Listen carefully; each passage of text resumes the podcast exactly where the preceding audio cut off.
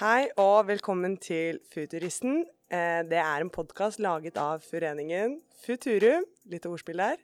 I dag skal vi snakke med Grete Søreide. Hun er ledig i juridisk stab i PST, og hun er rutta på personvern, for å si det sånn. Vi ønsker å spørre Grete om hvordan PST må forholde seg til personvernsregler og personvernshensyn i et så åpent og digitalt samfunn.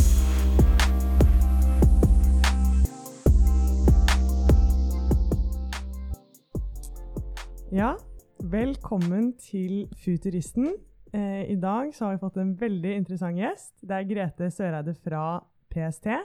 Hun er leder i juridisk stab og veldig god på personvern. Velkommen til deg.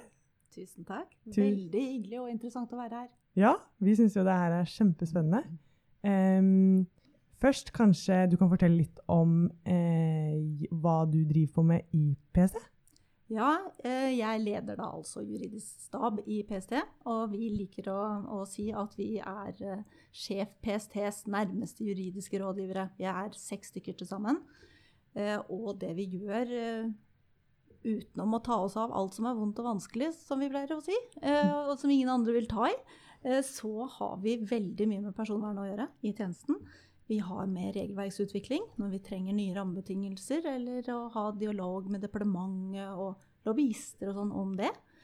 Eh, og vi har med høringer, eh, internt eh, regelverk, utvikling av det. Vi bistår internt på alt fra arbeidsrett til eh, anbudskonkurranser. Altså vi er rett og slett noen slags konsernjurister i PST. Spennende. Og du hadde jobbet i PST i 15 år, Ja. Og så har du jobbet med personvern i 27 år. ja. Så du har vært med på reisen da, i, eh, egentlig liksom i personvernutviklingen da, i Norge. ja. Um, Jeg begynte i Datatilsynet i 1994. ja. Det er altså forrige årtusen. og da hadde vi også en helt annen lovgivning enn vi har i dag. Eh, Men det som er interessant, det er jo at vi har hatt en rivende utvikling, fra, spesielt fra 2001, da vi fikk personopplysningsloven. Men nå når vi har fått GDPR, så er det jo et helt annet fokus. Mm. Ja, for Vi snakket jo litt om det i stad. Eh, at eh, det har på en måte blitt en veldig økning av at selskaper ønsker eh, folk med personvernskompetanse. Og ja, det har jo blitt mye liksom, større krav da, til personvern. Eh, og det er jo kanskje pga. også økningen av at digitale spor som ligger ute. Ehm, så vi lurer jo litt på eh, Når man har så sykt store eh, ja, mengder av personvern liggende ute, og mange selskaper selger jo disse videre og, ja, til kommersielt bruk, hvorfor er det da så strengt begrenset fra myndighetene å hente de inn og bruke de f.eks. til eh, ja, eh, bekjempe kriminalitet, da, eller under ja, rikets sikkerhet, hvis man kan si det sånn? Mm. Jeg tror rett og slett hvis det er tid til det, så kan vi kanskje ta med de som hører på, litt tilbake i tid. Ja. Fordi én ting er den rivende personvernutviklingen som har foregått, eh, og som gjør at jeg tenker jo eh, at yngre mennesker enn meg, jeg er 53 år, eh, det er en helt naturlig verdi. Sitt eget personvern, integritetsvern, er en helt naturlig verdi som man ønsker å verne om. Mm. Men når det gjelder myndighetenes bruk av opplysninger, så har det en historie. I Norge har vi en historie fra 90-tallet eh, hvor vi hadde en overvåkningsskandale. Vi hadde en, eh, et, ble satt ned et utvalg som het Lund-kommisjonen, og det tror jeg ganske mange har hørt om. Som Ja. en slags sånn diffus greie der bak.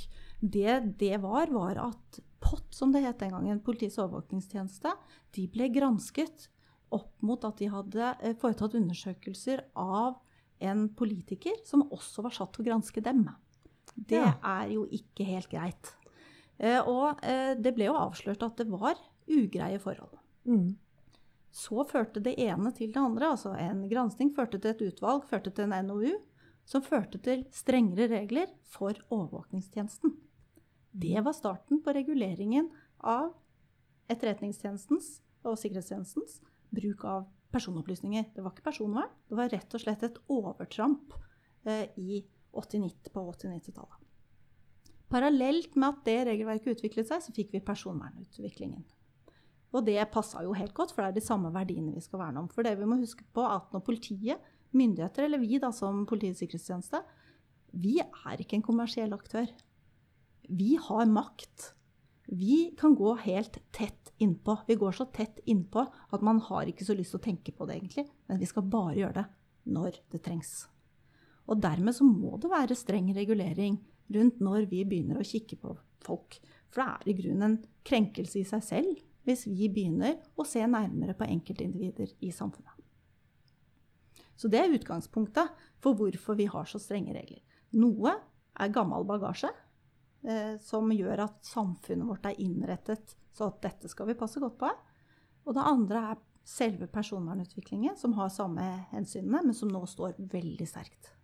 Utfordringen i dag det er jo at digitaliseringen gjør at alt foregår på nett. Mm.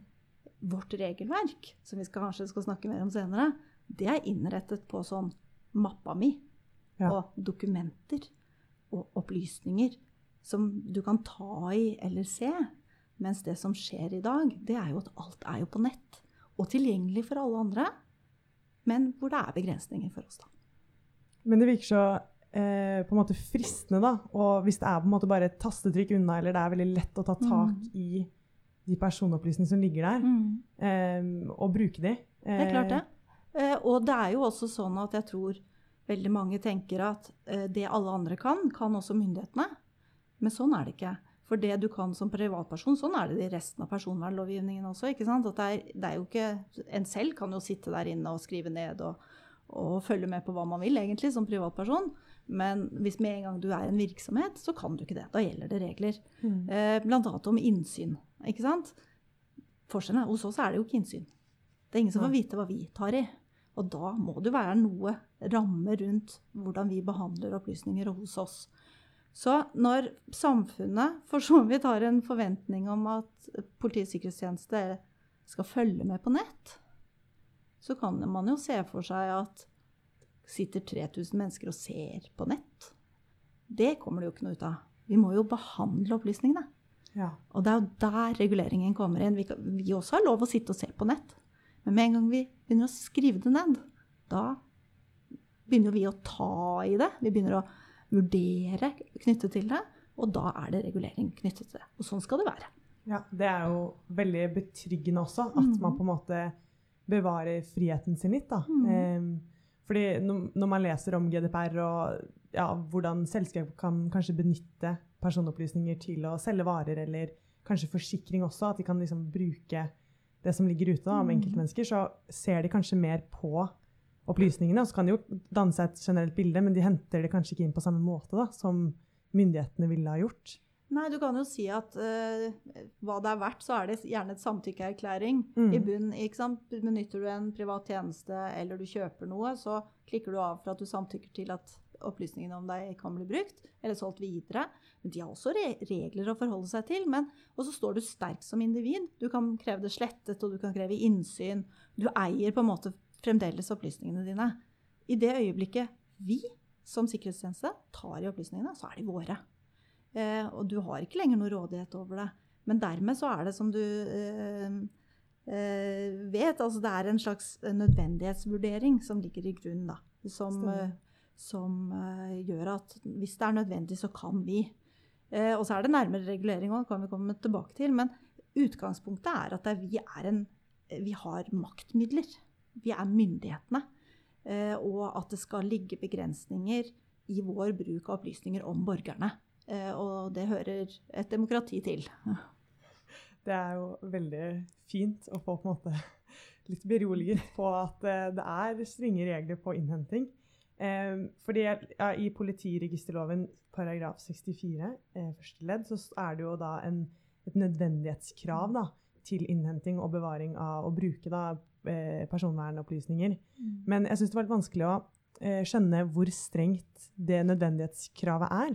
Eh, er det en sånn forholdsmessighetsvurdering, eller er det eh, liksom konkrete terskler man bruker?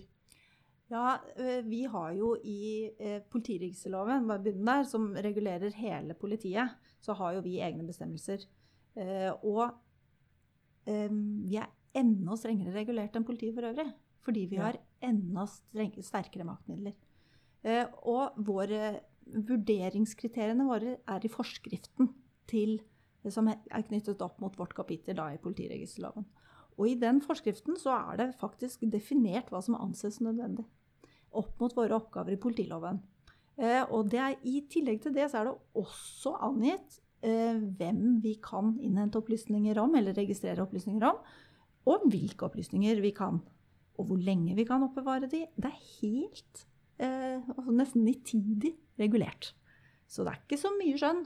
Men litt er det jo selvfølgelig, for det må være relevant for våre oppgaver. Og hva som er relevant for våre oppgaver, det er det jo vi som bestemmer.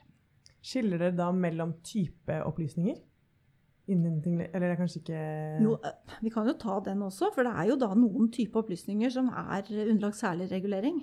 Eh, sånn som helseopplysninger og politisk tilhørighet. Mm. Eh, en sånn kuriositet som fagforeningstilhørighet, som er litt sånn kuriøs i Norge, men som i resten av Europa er faktisk en ganske sensitiv opplysning de kan vi ikke alene basere en registrering på. Kan ta et eksempel. For noen år siden så fikk Stortingets kontrollutvalg for EOS-tjenestene, kalt EOS-utvalget, de hadde en særskilt melding. Eh, og det utgir de når de finner noe spesielt å kritisere en av de hemmelige tjenestene for. Da var det grunn til å eh, kritisere PST. Fordi vi hadde inngitt oss på en registrering av medlemmer i en muslimsk menighet i Trøndelag. Og grunnen til at man hadde registrert dem, var at de var medlemmer. Eller altså at de var i denne menigheten. Det holder jo ikke. For da er det jo registrert på bakgrunn av en religiøs tilhørighet. Alene er ikke det nok. Det er en veldig forenkling av den saken, men, men det viser at sånne typer registreringer det kan vi ikke ha. Ok, Så sånn enkeltstående eh, registreringer, da, det, det, må på en måte være i et større bilde, da? Eller en det er faktisk krav til at vi skal lage noe som heter arbeidshypotese, knyttet til hver eneste person vi har i våre registre. Det vil si at vi skal si noe der om hvorfor er det nødvendig å ha akkurat denne personen i våre registre. Så når man går inn og kontrollerer, så kan man finne ut akkurat hva har vi lagt i nødvendighetsvurderingen i dette tilfellet. Ok, det er spennende. Men tenker du at den skandalen på 80-90-tallet, når den Lund-kommisjonen kom, sitter den på en måte litt i ryggraden hos de som driver med personvern i PST? At man er litt sånn den, er, den har jo vært helt førende for det regelverket vi har i dag. Eh, sånn at eh, Og når en tjeneste går ned med det Den gang kalte de det at den lå med brukket rygg. Eh, så er det Det sitter jo i. Ja. Um, og regelverket er bygget på de forutsetninger man ga i utredningene den gangen, med akkurat hva som burde reguleres. Om det er hensiktsmessig i dag, gitt det fremtidsbildet vi står i, eller faktisk samtiden vi står i nå, med den digitale utvikling, det er ikke helt sikkert. Ehm, men det er ikke opp til oss å gjøre. Det er jo lovgivende myndigheter ja. som må gi oss det. Så kan vi spille inn behov eh, for utvikling, men det er jo Eh, Stortinget og regjeringen, som, eller med forslag fra regjeringen som eventuelt skal endre det. Mm. Skjønner. Eh, det gikk jo en debatt om ny e-lov og eh, tilrettelagt innhenting av opplysninger. Eh, hvordan stiller det seg til eh, de fullmakt, altså fullmaktsinnhentingen til PST? Eh, ja, må først si at den nye loven til E-tjenesten det er jo en veldig god og gjennomarbeidet lov med en rekke nyvinninger. Bl.a. det som knytter seg til tilrettelagt innhenting. Eh, veldig kort sagt så snakker vi jo der om muligheten til å ta ned det som går i eh, kabler eh, inn til Norge. Altså det vil si det som vi kommuniserer med hverandre. Det er alt fra metadata, som bare sier noe om hvem, hvilke numre som eh, kommuniserer med hvilke numre, men også slik at man kan på visse vilkår, da er det satt opp rettslig institutt for det, gå ned og se på innhold. Det er det tilrettelagt innhenting handler om. Før så het det digitalt grenseforsvar, og det er ikke noe dumt ord eller navn på det som foregår. Fordi det handler om at vi rett og slett uh, ser på hva det er som kommer inn til landet via våre kabler. Sverige har det samme. Uh, og um, i det, når de fikk den eh, adgangen, så har de også fått for første gang et regelverk knyttet til behandling av opplysninger i Etterretningstjenesten. Det har ikke de hatt før. Det regelverket er kjempegodt og moderne. Mm. Så, eh, men vi må huske på at Etterretningstjenesten de jobber jo mot utlandet. De er på utsiden av Norge, Mens vi som Politiets sikkerhetstjeneste, vi er på innsiden. Så vårt nedslagsfelt er eh, norske borgere. Mens deres nedslagsfelt, det de skal se på, det er utenlandske borgere. Og det er et helt annet rettsvern for norske borgere fra norske myndigheter enn vi har på utenlandske borgere når det gjelder grenseforsvar. Det er der det kommer inn det at vi skal beskytte oss utenfra.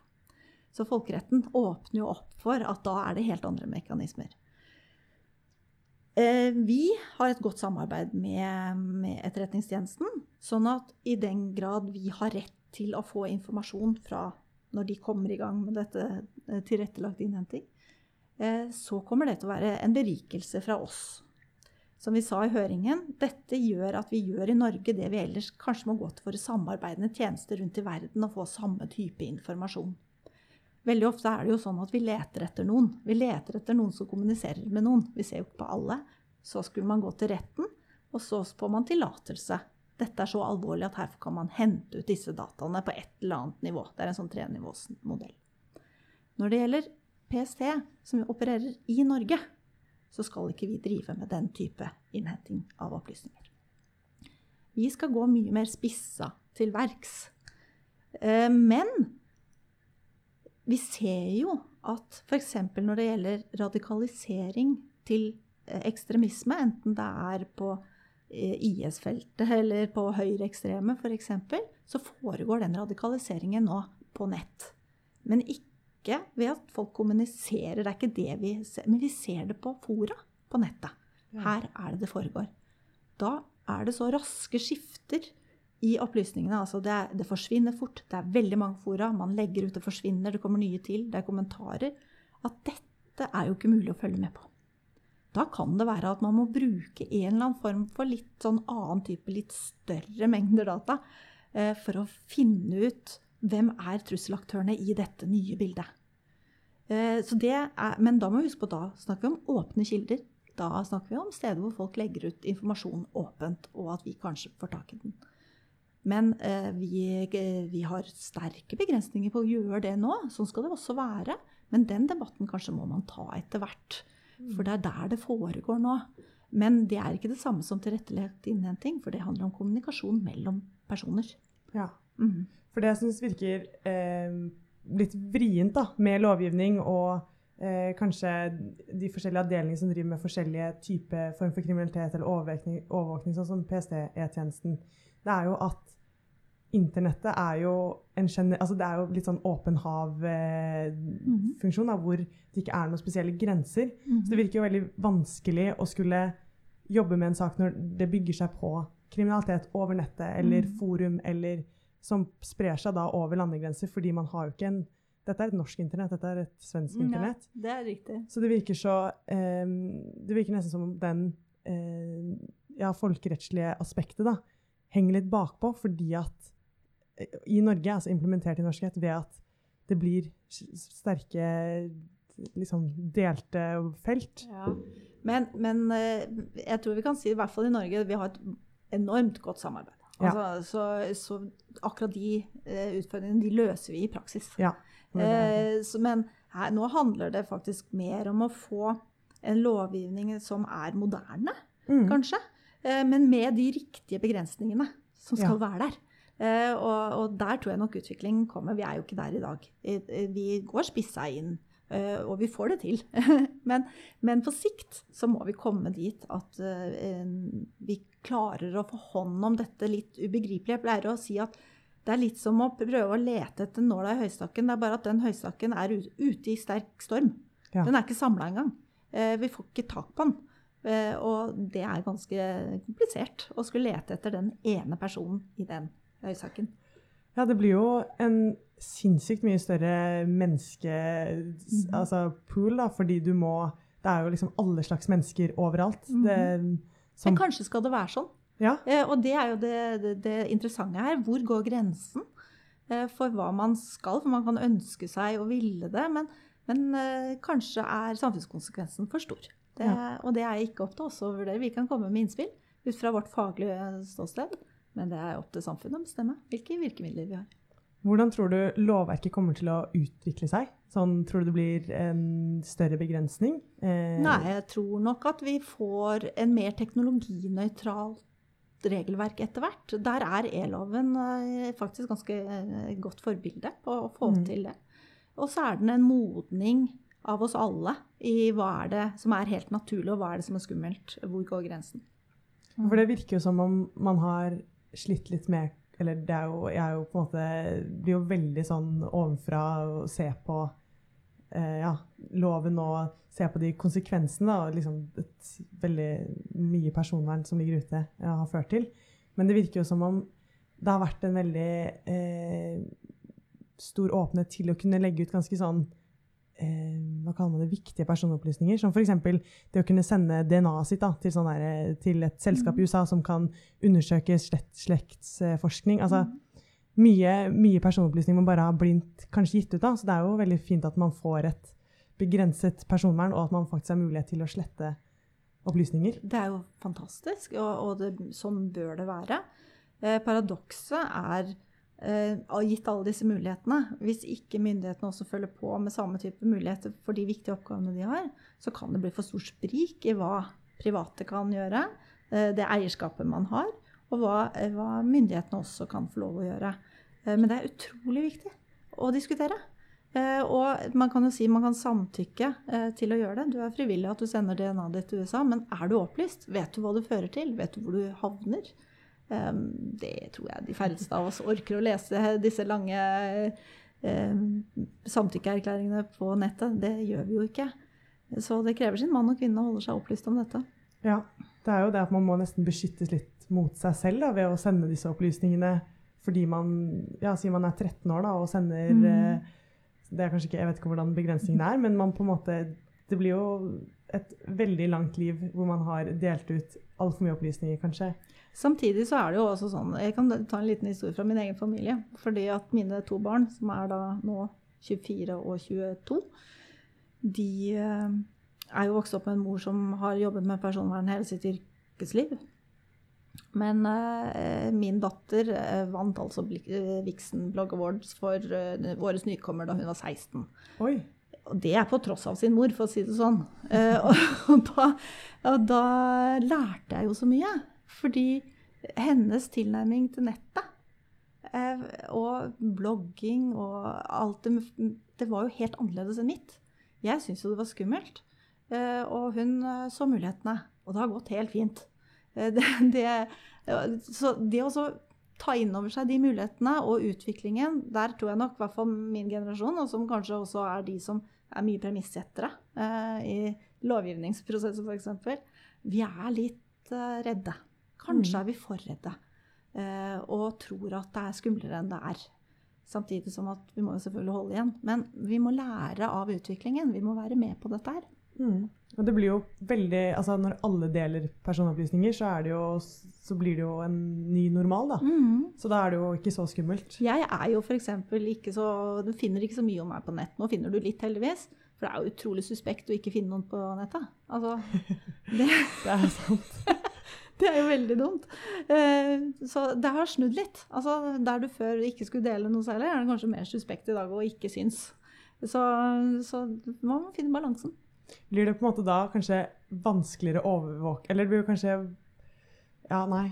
Vanskeligere å overvåke folk fordi alle legger ut så mye at du må på en måte skille mer eh, opplysninger? Ja, vi skal nok få det til, vi i hvert fall. Ja. Men eh, det, det jeg også lurer på, som vi snakket litt om i stad, er jo at eh, man blir jo da, eller kan kanskje få følelse av at man blir overvåket av veldig mange private aktører. Mm. Um, så kanskje det blir da en litt mer åpenhet mot at myndighetene kan bruke opplysninger? At man blir mer villig til å dele, da? Jeg tror nok kanskje at det utvikler seg en forventning om at både myndighetene samhandler, ikke minst. Eh, hvis du først har avgitt opplysninger til offentlige myndigheter, nå tenker jeg ikke på oss, men generelt, for å få en ytelse f.eks., for så forventer du jo at de offentlige organene snakker sammen. At skatt og trygd snakker sammen. At du ikke må gi til hver og en av dem. Og det er jo positivt for at man stoler på myndighetene. Eh, men historien har vist, og vi bør ikke gå langt utenfor Norges grenser, og se at man må også være litt skeptisk til myndigheter. Hvordan det kan snu, hvordan de bruker opplysninger om borgerne. Men eh, jeg tror nok at uh, utviklingen nå er at vi er tryggere på å dele opplysninger om oss selv. Vi har lettere for å samtykke. Vi, vi syns det er greit, og vi syns det er greit at myndighetene eh, bruker disse til digitale løsninger, som gjør det enklere for hver og en. Kanskje det er mange flere som tenker at man ikke har noe å skjule. Så det er på en måte diggere å bare gi det Mm. ut, da. Og eh, ja, som, som, som du sier, at, eh, ja, at du slipper å levere inn skattekort flere steder. At Mm. du liksom har ett sted du leverer en portal, og så kan heller Mm. Myndighetene Du stoler nok på myndighetene til Mm. at de håndterer det riktig. Eh, og stoler også på da, ja, som eh, politi og påtalemyndighetene at de ikke misbruker på en måte personopplysningene som allerede ligger der. Men, og jeg tror tilliten til det er veldig høy Mm. i, i dag. Eh, Men vi skal trå så utrolig varsomt for å ikke eh, misbruke den tilliten. Det er veldig sant. Eh, og vi må være åpne om hvilke rammer vi har, og, og hvilke eh, vurderinger vi gjør. Og, og vise at vi er ålreite og skikkelige folk, rett og slett. Eh, så, så det er en tillit vi skal forvalte veldig, veldig godt. Hva er det du som enkel, altså hva tenker du sånn, Hvis man ser bort fra PC, hva, hvilket område syns du er mest interessant sånn eh, personvernmessig, datasikkerhetsmessig? Er det et område du tenker er Eh, altså det ligger i eh, Hvis man eh, leser den nasjonale eh, trusselvurderingen i år, så kommer det veldig tydelig frem at eh, digitalisering og cyber, det er, det er det som er fremtidsbildet. Og det er der truslene er. Og det er på mange måter. Det er, ikke sant, det er cyberangrep. Det er påvirkning fra fremmede stater, kanskje. Det er radikalisering på nett. Altså, det, er, eh, utviklingen er slik at alt vi tar i, har en side til det digitale. Og da har det en side til det digitale, så har det en side til personvern. Det har også en side til ytringsfrihet. Eh, For veldig mye av det vi eh, gjør på nettet, er å ytre oss. Enten det er på Facebook eller på Instagram eller på, på fora, chan-fora. Vi ytrer oss. Og ytringsfriheten skal stå sterkt. Eh, samtidig så er det jo politisk motivert vold eller det å påvirke og skade demokratiet, det er det vi jobber for å forebygge. Det er da grensen stilt inn mellom Mm. dette og, og de frie ytringene som vi skal beskytte i demokratiet. Det virker ganske vanskelig egentlig å mm. prøve å avveie. Mm. Um, men har du, syns, syns dere at det har vært en veldig stor økning i eh, ja, online-kriminalitet, digital kriminalitet? Er det en veldig synlig eh, økning de siste fem årene, eller hvor langt? Vi jobber jo ikke med eh, det vi kaller sånn vanlig kriminalitet. Det er jo politiet som gjør. Ja. Eh, men eh, også politiet har jo i sine strategier en helt spesiell fokus på eh, digital kriminalitet, for den har økt. Og du kan si, har den økt, eller er det fokuset som gjør at vi får det frem? Men det den har nok økt. Eh, men det er jo, vi er et gjennomdigitalisert samfunn. Mm. Så, så vi må bare ha fokuset der. Det er jo veldig eh, Jeg syns det er veldig kult at personvern blir tatt tak i. Men det er jo, eh, som vi snakket også om i stad, at det var lite snakk om det for 27 år siden. da, At det var på en måte ikke så i vinden. Det er jo veldig bra at det tas opp nå. For det virker jo nesten som om det kommer litt hengende etter. At det, det er nå det på en måte hypes veldig opp. Ja, men jeg begynte jo da i PST i 2005. Da var jeg da justissektorens første em, personvernrådgiver. I dag er alle politidistrikter pålagt å ha personvernrådgivere eller ombud. Kripos, som er behandlingsansvarlig for alle de store politiregistrene, de har en kjempegjeng med svært kompetente eh, personvernfolk. Vi har eh, dedikerte medarbeidere til det. Eh, og så det står enormt sterkt i justisvesenet i dag og i politisfæren fordi vi jobber med det vi gjør, og personvern er en helt naturlig del av det. Politiregisterloven er en ja, Nå ser ikke lytterne dette, men jeg har med meg et eksemplar her. Mm. Og den, den er godt brukt, for å si det sånn.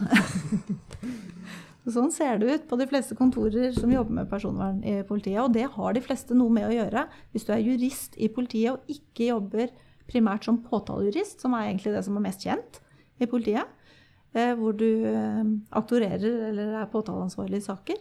Eh, for alle også andre juristene som kalles mer sånn sivile jurister, så er personvern en stor del av nesten alles arbeidshverdag. Det er spennende. Mm. Og ikke som vanlig å ta inn utdannede, det må jeg dessverre si. Så litt erfaring eh, før man søker i PST er ofte lurt. Og nå finnes det jo eh, personvernjobber veldig mange steder. Og alle, eh, tenker for min egen del, når jeg rekrutterer, så er nesten alle typer kompetanse eh, verdifullt. Altså hvis du spesialiserer deg på personvern, så er det alltid verdifullt. Men hvor du får den fra, det er underordnet. For det er ingen som driver med det samme som PST. Så eh, selv om eh, du blir ansatt som 30-åring hos oss, eller om du er nærmere 50, så må du begynne litt på scratch. For du må lære deg eh, dette faget, som er den hemmelige verden. Da må du lære det litt på nytt. Men å komme inn med en ballast som også inneholder personvern, det er veldig, en veldig styrke. Eh, det vil det være hos oss, og det tror jeg det er hos resten av politiet også. Det er i hvert fall en veldig ettertraktet eh, kompetanse.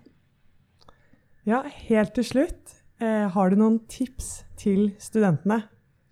Ja, Gitt temaet vi snakker om, så må jeg jo si er du interessert i personvern, så er ikke det en dum vei å gå. Og hvis du i tillegg kan legge på litt forvaltningsinformatikk, da tror jeg du har gode muligheter for å få jobb innenfor dette feltet i fremtiden. Og så har jeg et generelt tips ha det litt gøy. Det er et veldig bra tips. tusen, tusen takk for at du stilte opp. Det har vært kjempeinteressant å høre om eh, personvern og jobben, eh, og også PST, personvern i PST. Takk for meg. Det var veldig hyggelig å være her. ha det bra.